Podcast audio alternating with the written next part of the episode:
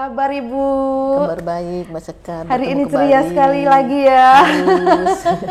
Harus seksi terus ya Bu ya. Harus, semangat. Karena belajar itu seksi ya. Belajar Setelah- itu ada hal yang seksi. Itu hashtag kita ya. Selain ada Merdeka Belajar, ada Kampus Merdeka, ini belajar itu seksi. Ini bagus sekali karena hal-hal yang seperti ini biasanya cepat diterima nih Bu sama sobat Siap, belajar. Bisa disapa dulu nih Bu sobat belajar di seluruh Indonesia. Halo Sobat Belajar, salam integritas, semangat pagi, tetap sehat selalu. Dan ini sobat belajar sebagai informasi eh, tadi Sekar sudah singgung untuk tetap kalian mengikuti prokes yang berlaku ya 3M seperti kami juga melakukan prokes yang berlaku melakukan tes swab antigen dan juga mencuci tangan menggunakan masker serta menjaga jarak. Jadi masker kita tetap gunakan di luar acara syuting ini ya sobat belajar. Oke, kita akan membahas tentang penerimaan peserta didik baru 2021 ya Bu Catherine. Adakah yang paling update nih yang mau disampaikan ke sobat belajar? Jadi ada sekitar tujuh poin ya tentang Ya. perubahan di PPDB eh, 2021 dengan Permendikbud 1 2021 dibandingkan tahun 2020 dengan Permendikbud 44 ya, Ya. tahun 2019. Jadi yang pertama bahwa sekarang zonasi untuk anak SD minimal 70%. Oke. Ya karena memang eh, data yang menunjukkan bahwa pemenuhan zonasinya itu selalu di atas, eh, semua di atas 70%. Oke, Ya, baik. jadi kita minimal 70%. Yang kedua adalah anak umur SD maksimal sekarang 7 tahun ya. Maksimalnya ya, Bu? 7 tahun. Ada minimalnya, maaf? Nah, minimalnya itu lima tahun 6 bulan tapi dengan syarat adanya surat keterangan dari ahli yang menyatakan bahwa anak ini memiliki kemampuan kognitif yang cukup baik, Oke. yang sangat baik dan juga secara eh, secara emosi dia sudah, sudah siap masuk ke sekolah formal. Karena Baik. kan kalau terlalu muda banyak aturan itu bisa membuat dia trauma Betul, ya apalagi betul. kalau dia harus berhadapan dengan orang eh, anak-anak yang lebih tua dari dia ya Betul, keberaniannya belum muncul nah itu yang kita jaga oleh karena itu kami selalu mengatakan prioritaskan yang tujuh tahun sesuai undang-undang Baik, oke. Selanjutnya tadi? yang eh, kedua adalah bahwa KK kartu keluarga untuk zonasi tidak boleh lagi menggunakan digantikan dengan surat keterangan domisili yang Oke, selama ini sudah banyak tidak boleh ya, menjadi Bu. eh, jual beli ya karena Iya, mudah betul, meng- betul, eh, betul. menggunakan kecuali ketika daerah itu tersebut mendapatkan bencana alam atau musibah karena Oke. kakaknya sudah rusak atau hanyut ya seperti Ya. kemarin banjir di NTT, NTB ya, atau Itu gempa di Sulawesi soalnya, jadi itu jadi itu boleh dengan itu selain itu tidak boleh Oke. Ya, yang ketiga adalah bahwa sekarang jalur perpindah uh, jalur untuk afirmasi itu digunakan untuk uh, tidak saja anak tidak mampu tapi juga penyandang disabilitas. Oke. Uh, yang keempat, sekarang nilai rapot yang digunakan untuk jalur prestasi harus dilampirkan dengan surat keterangan tentang data seluruh nilai anak-anak yang lolos. Ya, Iya. jadi supaya jangan ada rapot-rapot yang Ya, uh, apa namanya ya, Bu, yang ya. fiktif gitu ya. Nah, itu yang apa namanya yang kita hindari. Ya. Lalu yang berikutnya bahwa di dalam eh, jalur eh, perpindahan orang tua sisa kuotanya itu bisa digunakan untuk eh, anak guru pada sekolah Oke. yang bersangkutan kalau ada sisa kuota dari perpindahan orang tua khususnya SMA SMK yang belum eh, menerapkan wajib belajar 12 tahun atau artinya yang SPP-nya masih memungut ya kan Oke. karena kan anak guru kalau anaknya sekolah di eh, di mana dia mengajar mendapatkan keringanan biaya ya Iya, gitu betul, jadi betul, kita betul. khususkan untuk anak SM anak guru SMA SMK yang belum yang masih masih memungut tapi kalau sudah tidak memungut seperti Jakarta tidak perlulah saya bilang Iya, gitu karena kan di mana pun uh, anak guru itu sekolah tetap gratis ya Iya, di- betul, uh, betul. seperti SD SMP lalu uh, bahwa di dalam apa namanya di dalam PPDB saat ini yang SMK ya Iya. yang SMK saat ini juga tetap uh, wajib memprioritaskan anak-anak yang tidak mampu minimal 15% Oke. dan mereka dapat ya sifatnya dapat SMK itu untuk eh, memprioritaskan anak-anak yang dekat eh, dekat SMK-nya ya, ya, sa- eh, walaupun tidak dengan sistem zonasi eh, eh, minimal 10% ya maksimal 10%. Maksimal gitu. 10% ya, Maksimal mereka 10%. bisa diterima Nah, di itu kebijakan yang tersebut. baru di 2021 ini. Oke. Berarti memang banyak sekali nih Ya, kebijakan-kebijakan itu yang diterapkan ya, oh, Bu ya. satu lagi pelibatan sekolah swasta. Pelibatan Ah, sekolah pelibatan swasta. sekolah Gimana nih, swasta. Bu? Maksudnya berkolaborasi dengan sekolah Ya, swasta? jadi pemerintah daerah dapat menentukan karena sekarang sekolah negeri ya seperti Jakarta katanya dari tampung ke SMA-nya kan masih 40 persen. Oke. Ya kan masih sangat eh, di bawah ya. Jadi eh, melibatkan sekolah swasta eh, di daerah pada setiap zonasi tersebut untuk Oke. menerima penyaluran tapi pembiayaannya tetap dari APBD DKI. Oh, gitu. Oh, begitu. Uh, khususnya bagi anak-anak yang Ya. tidak mampu Ya, gitu ya, ya, itu ya. yang harus diprioritaskan. Ini memang memprioritaskan anak-anak kurang mampu ini ya. Jadi Betul. mereka ini sebenarnya berterima kasih tapi tidak terdengar sampean ya Bu ya. Iya. Karena yang terdengar adalah eh, hal-hal negatifnya saja ya Bu ya Betul. seperti sistem zonasi yang kesusahan atau orang yang semisalnya pindah nih kepindahan orang tua tadi pekerjaan gitu kan mereka agak kesulitan. Kalau semisalnya mereka menemui kesulitan-kesulitan seperti itu eh, mereka harus lapornya ke mana sih Bu? Jadi sebenarnya kami punya ULT ya unit layanan terpadu yang Ya. sudah kami sosialisasikan ya. Eh, ada webnya, ada HP-nya, jadi silahkan 24 jam ya atau langsung ke Pak Dirkmen gitu ya. Ya. Saya pikir sekarang eh, sarana pengaduan itu sudah tidak bisa Mudah ya, terhalang Bu. ya, dengan kemajuan teknologi gitu ya. Jadi sobat belajar bisa langsung akses ini semuanya melalui platform sosial media karena kan Instagram, YouTube, Twitter dan eh, segala beragam website ya sudah disiapkan Betul. oleh tim Kemdikbud. Jadi kalau misalnya ada keluhan atau apa pun yang mau disampaikan bisa langsung ya Bu ya. Betul. Oke, kalau kita tadi berbicara tentang eh, mekanisme yang terbaru ya Bu ya. Tujuannya dibentuk mekanisme ini apa Bu? Pertama ini berdasarkan masukan dari teman-teman daerah juga gitu Baik. ya. Jadi ini adalah eh, fungsi kebijakan itu kan eh, harus bermanfaat Baik, ya, ya. untuk dapat eh, digunakan bagi seluruh stakeholder Ya. khususnya PPDB. Jadi eh, pemerintah daerah itu mem- memberikan masukan-masukan ya dalam proses pemenuhan itu ada beberapa kendala yang mungkin dari sisi regulasi harus diubah seperti Ya. itu. Seperti tadi pelibatan sekolah swasta Betul. karena sekolah negeri kan dilarang menambah kelas baru ya Oke. pada saat PPDB supaya tidak dijadikan ap- alasan gitu ya merekrut anak-anak dari eh, sekolah-sekolah swasta ini kan seperti Ya, jadi ya, rebutan ya, gitu ya. betul, betul. Ya, sehingga sekarang kalau misalkan sekolah swasta keberatan sekolah negeri menambah eh, bangku, menambah kelas atau menambah sekolah, maka dia harus membantu dong gitu Ya, ya. ya. Nah, jangan keberatan tapi tidak membantu Iya, kan. Nah, betul. harus membantu pemerintah daerah gitu. Betul, betul, Jadi betul. itu yang kita minta gitu karena sekali lagi sekolah swasta itu kan diberikan izin operasional oleh pemerintah maka dia juga harus kita jaga untuk tetap hidup. Saya selalu Oke. Katakan kita ini nggak rebutan anak-anak gitu ya. Betul, Jadi kalau anak-anak sudah ditampung sekolah swasta, sekolah keagamaan, alhamdulillah. Iya, Jadi iya. sisanya aja yang kita intervensi Betul, untuk kita betul, penuhi betul. haknya. Jadi pemerintah daerah pun tidak berat dari sisi pembiayaan, Betul, betul. dari sisi jumlah guru kan. Kalau harus nambah kelas kan harus nambah, Nambah guru jumlah lagi, guru, tenaga pengajar. nambah sekolah, nambah jumlah guru. Saat ini saja kita juga sudah kekurangan Iya, guru ya. iya. Honorer itu masih uh, menjadi PR yang harus segera kita selesaikan. Jadi ya lebih baik kita libatkan sekolah swasta bersinergi kembali karena semuanya untuk generasi kita semua. gitu. Oke, jadi perubahan yang terjadi itu karena untuk menyesuaikan ya Bu ya. Mm, semakin Bukan- bergotong royong Iya. dalam menyelesaikan apa, pemenuhan akses. Betul, biar harmonisasi ini bisa mewujudkan uh, peserta didik kita itu goalnya adalah di peserta didik kita Betul, gitu kan ya Bu ya. iya. Karena kan apa pun yang terjadi yang menjadi korban adalah si anak-anak ini sendiri ya Bu ya. Betul. Oke, berarti kalau ini nanti sistem penerimaan peserta didiknya adalah di bulan Juli ya Bu ya, Iya. 2021 ya di minggu kedua minggu Biasanya Senin minggu kedua ya sekitar tanggal 10 sampai tanggal 17 ya.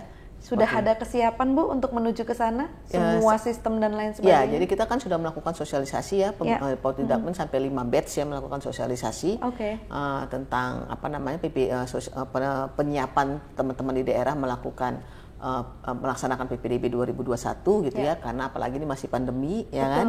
Eh, Walaupun kita masih memungkinkan sekolah untuk tatap muka Ya. yang sudah eh, seluruh gurunya, tendiknya itu semua divaksin Ya, ya satu ya, bulan setelah vaksin ya. kedua ya. Ya. Nah itu untuk mengantisipasi hal-hal yang tidak kita inginkan. Tapi kan mungkin eh, masih 50-50 paling banyaknya. Betul, betul. Jadi ini persiapan-persiapan yang harus segera dimatangkan kembali, tetap menjaga prokes. Walaupun be- beberapa sekolah sudah melakukan tatap muka gitu. Tapi mereka juga ada beberapa kendala kalau tanpa izin orang tua juga ini ya Bu Betul, jadi ya. syaratnya tetap Nggak bisa kembali ke izin masuk. orang tua karena Iya. yang dijaga juga adalah kesehatan keluarga peserta didik kita betul, gitu. betul. Selama SOP dari sekolah tersebut sudah terpenuhi sih harusnya uh, mungkin karena orang tua merasa tidak aman dan nyaman ya Bu Iya ya. betul karena mungkin juga dari mereka ada anggota yang punya penyakit komorbid kan yang mereka harus jaga juga ya dalam satu rumah gitu ya. Oke, iya sih memang karena semua berawal dari rumah. Kalau mereka di rumahnya dijaga, di luar yang nggak dijaga, susah juga ya Bu Susah, ya. betul. Oke, kalau eh, ini kembali eh, ada pertanyaan mengenai Kemdikbud ini mempunyai kanal lapor ya Bu ya. kanal Itu tuh lapor. seperti apa sih Bu? Pengaduan atau penyampaian aspirasi atau seperti apa? Jadi kan kami ada uh, tim yang memantau ya, mem- memantau media sosial gitu. Ya. Jadi saya pikir uh, masyarakat ini sekarang kan sangat kreatif ya.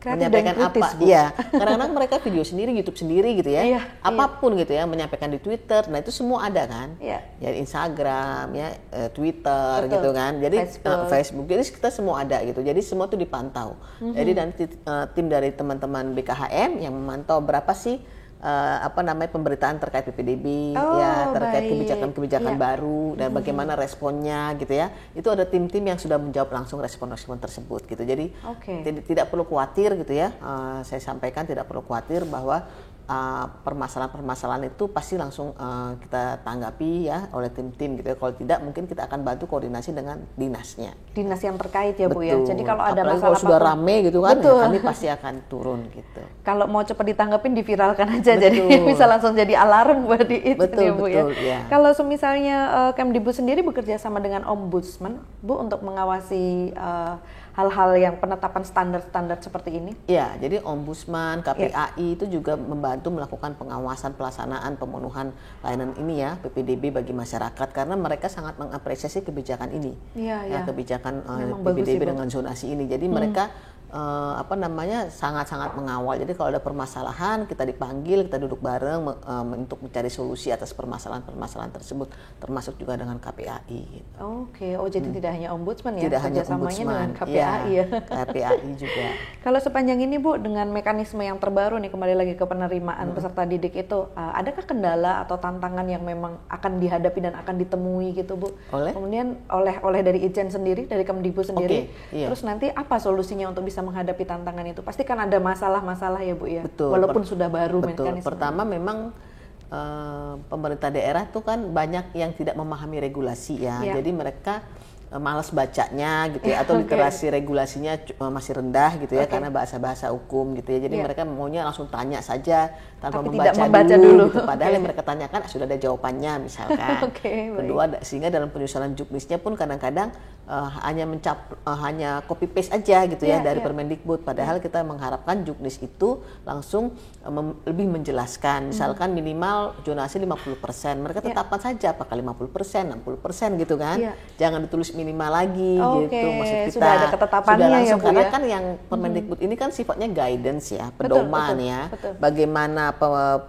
eh, realnya seperti apa yang dibutuhkan kita serahkan kepada pemerintah daerah. Mhm. Kalau daerah saya mengatakan cukup 50% silahkan. Kalau daerah saya mengatakan saya harus 70% di zonasi silahkan gitu. Jadi kita hanya Oke. mengatakan minimal 50%. Nah itu sepenuhnya kendala-kendala dari sisi regulasi ya. Komunikasi, berarti Komunikasi. ya Bu ya. ya, ah. Yang kedua ya tadi ke apa? Keengganan untuk melakukan perubahan karena kan Iya. makin capek gitu ya Makin "Aduh, banyak." capek lah gini-gini ngapain capek Iya. mungkin ini mereka masa capek-capek juga gaji saya sekian gitu ya jadi mereka tidak menyadari bahwa itu Baik. adalah tanggung jawab pemerintah daerah gitu ya betul, bahwa itu betul. tanggung jawab yang harus kita laksanakan yang selama ini kita sudah sangat lama abai Iya, iya. bagaimana betul. pemenuhan hak dasar itu. Nah, itu yang perlu terus kami eh, apa namanya kami ingatkan, kita sampaikan kepada pemerintah daerah membangun pemahaman itu. Dan itu melalui sosialisasi kah atau apa melalui sosialisasi dan eh, menguji publikan ketika regulasi ini belum sudah mau akan difinalkan. Kita akan Oke. sampaikan ada masukan apa lagi gitu ya. Iya. Ah, jadi nanti kalau ada masukan saran yang nggak bisa kita penuhi, kita sampaikan alasannya apa. Oke, gitu. jadi sebenarnya sudah cukup solutif ya Bu ya dari izin ini Iya, sendiri benar. menanggapi segala klausal-klausal permasalahan yang ter- Betul. yang ada di lapangan gitu. Oke, jadinya memang harusnya ini nanti penerimaan peserta didik baru 2021 harusnya aman dan lancar ya Bu ya. Iya, insya Walaupun masih aman 50-50 ini masalah tatap muka dan tidak tatap Mudah-mudahan muka. tidak seperti tahun lalu ya, makin Iya, nah, memang iya. cenderungnya makin lama makin baik kok, makin Pasti, pemenuhan pasti. eh, kepatuhannya makin tinggi. Iya, karena mungkin masa yang tersulit sudah kita lewati di tahun kemarin ya Bu. Iya, tahun-tahun awal. Masih masih bingung kan kalau tahun Iya. kemarin karena benar-benar lockdown, kemudian pandeminya Betul, masih semua belajar. Betul, Nah, betul. Tapi belajar kalau ini kita sudah hidup satu tahun Betul, bersama sudah ada ini. vaksin ya. sudah ada Nah, vaksin. jadi lebih menenangkan. lebih menenangkan. Ada sa- eh, saran-saran Bu sebelum kita tutup episode ini kepada peserta didik baru atau Hmm. mungkin tenaga pengajarnya juga untuk bisa menghadapi PPDB 2021 ke sobat Oke. belajar. Baik, jadi eh, PPDB 2021 masih eh, juga sebagian dengan tantangan yang sama di tahun 2021 ke tahun 2020 yang lalu sehingga kami harapkan tetap eh, para guru, eh, kepala sekolah khususnya yang tidak bisa melaksanakan mekanisme PPDB secara daring ya benar-benar memperhatikan protokol kesehatan walaupun sudah divaksin ya. Karena anak-anak kita kan uh, belum uh, banyak yang tidak divaksin ya dan mereka tentu saja mungkin uh, apa namanya uh, dari dari rumah menuju sekolah itu bisa ya. terpapar di tengah jalan uh, kalau apalagi kalau menggunakan angkutan publik ya. Betul, nah oleh betul. karena itu tetap uh, dalam mekanisme luringnya memperhatikan kembali protokol kesehatan ya yang sudah tidak dimuat di dalam SKB 4 Menteri bagaimana hmm. pelaksanaan tetap muka. Yang kedua tentu saja uh, di sekolah juga mematuhi aturan-aturan ya walaupun itu dilaksanakan secara daring upayakan memang daring full 100% ya. ya. Jadi dalam daftar ulang karena mereka juga harus menyerahkan dokumen-dokumen yang asli ya, maka mekanisme prokesnya itu juga harus benar-benar uh, dijaga ya. Nah, jadi tetap ada ruang untuk bertemu ya jika memang itu harus terpaksa tetap harus dijaga. Itu sih sebenarnya supaya nanti uh, kekhawatiran kita gitu ya atas uh, COVID ini ya uh, tidak uh, apa semakin berkurang sehingga proses tatap muka dapat belajar dengan tenang, uh, loss learningnya semakin berkurang sehingga anak-anak benar-benar memiliki uh, apa namanya kualitas yang lebih baik lagi Betul. ya dalam pemenuhan anak mereka selama masa pandemi di tahun 2021 ini. Oke, hmm. duh pesan Ibu Catherine ini sangat panjang tapi sangat dalam sekali. Hmm. Jadi Betul. terima kasih sekali ya Ibu Catherine ya atas waktunya dan keterangannya mengenai penerimaan peserta didik baru ini. Semoga semua berjalan lancar di tahun Amin. Juli 2021 ya baik PPDB ataupun sekolah tatap mukanya. Terima kasih sekali Terima ya kasih, Bu Gatri. Saya Sekar pamit undur diri, tetap jaga prokes ya, tetap sehat agar selalu bahagia dan imunitas kalian bisa terjaga dengan baik. Sampai bertemu sobat belajar.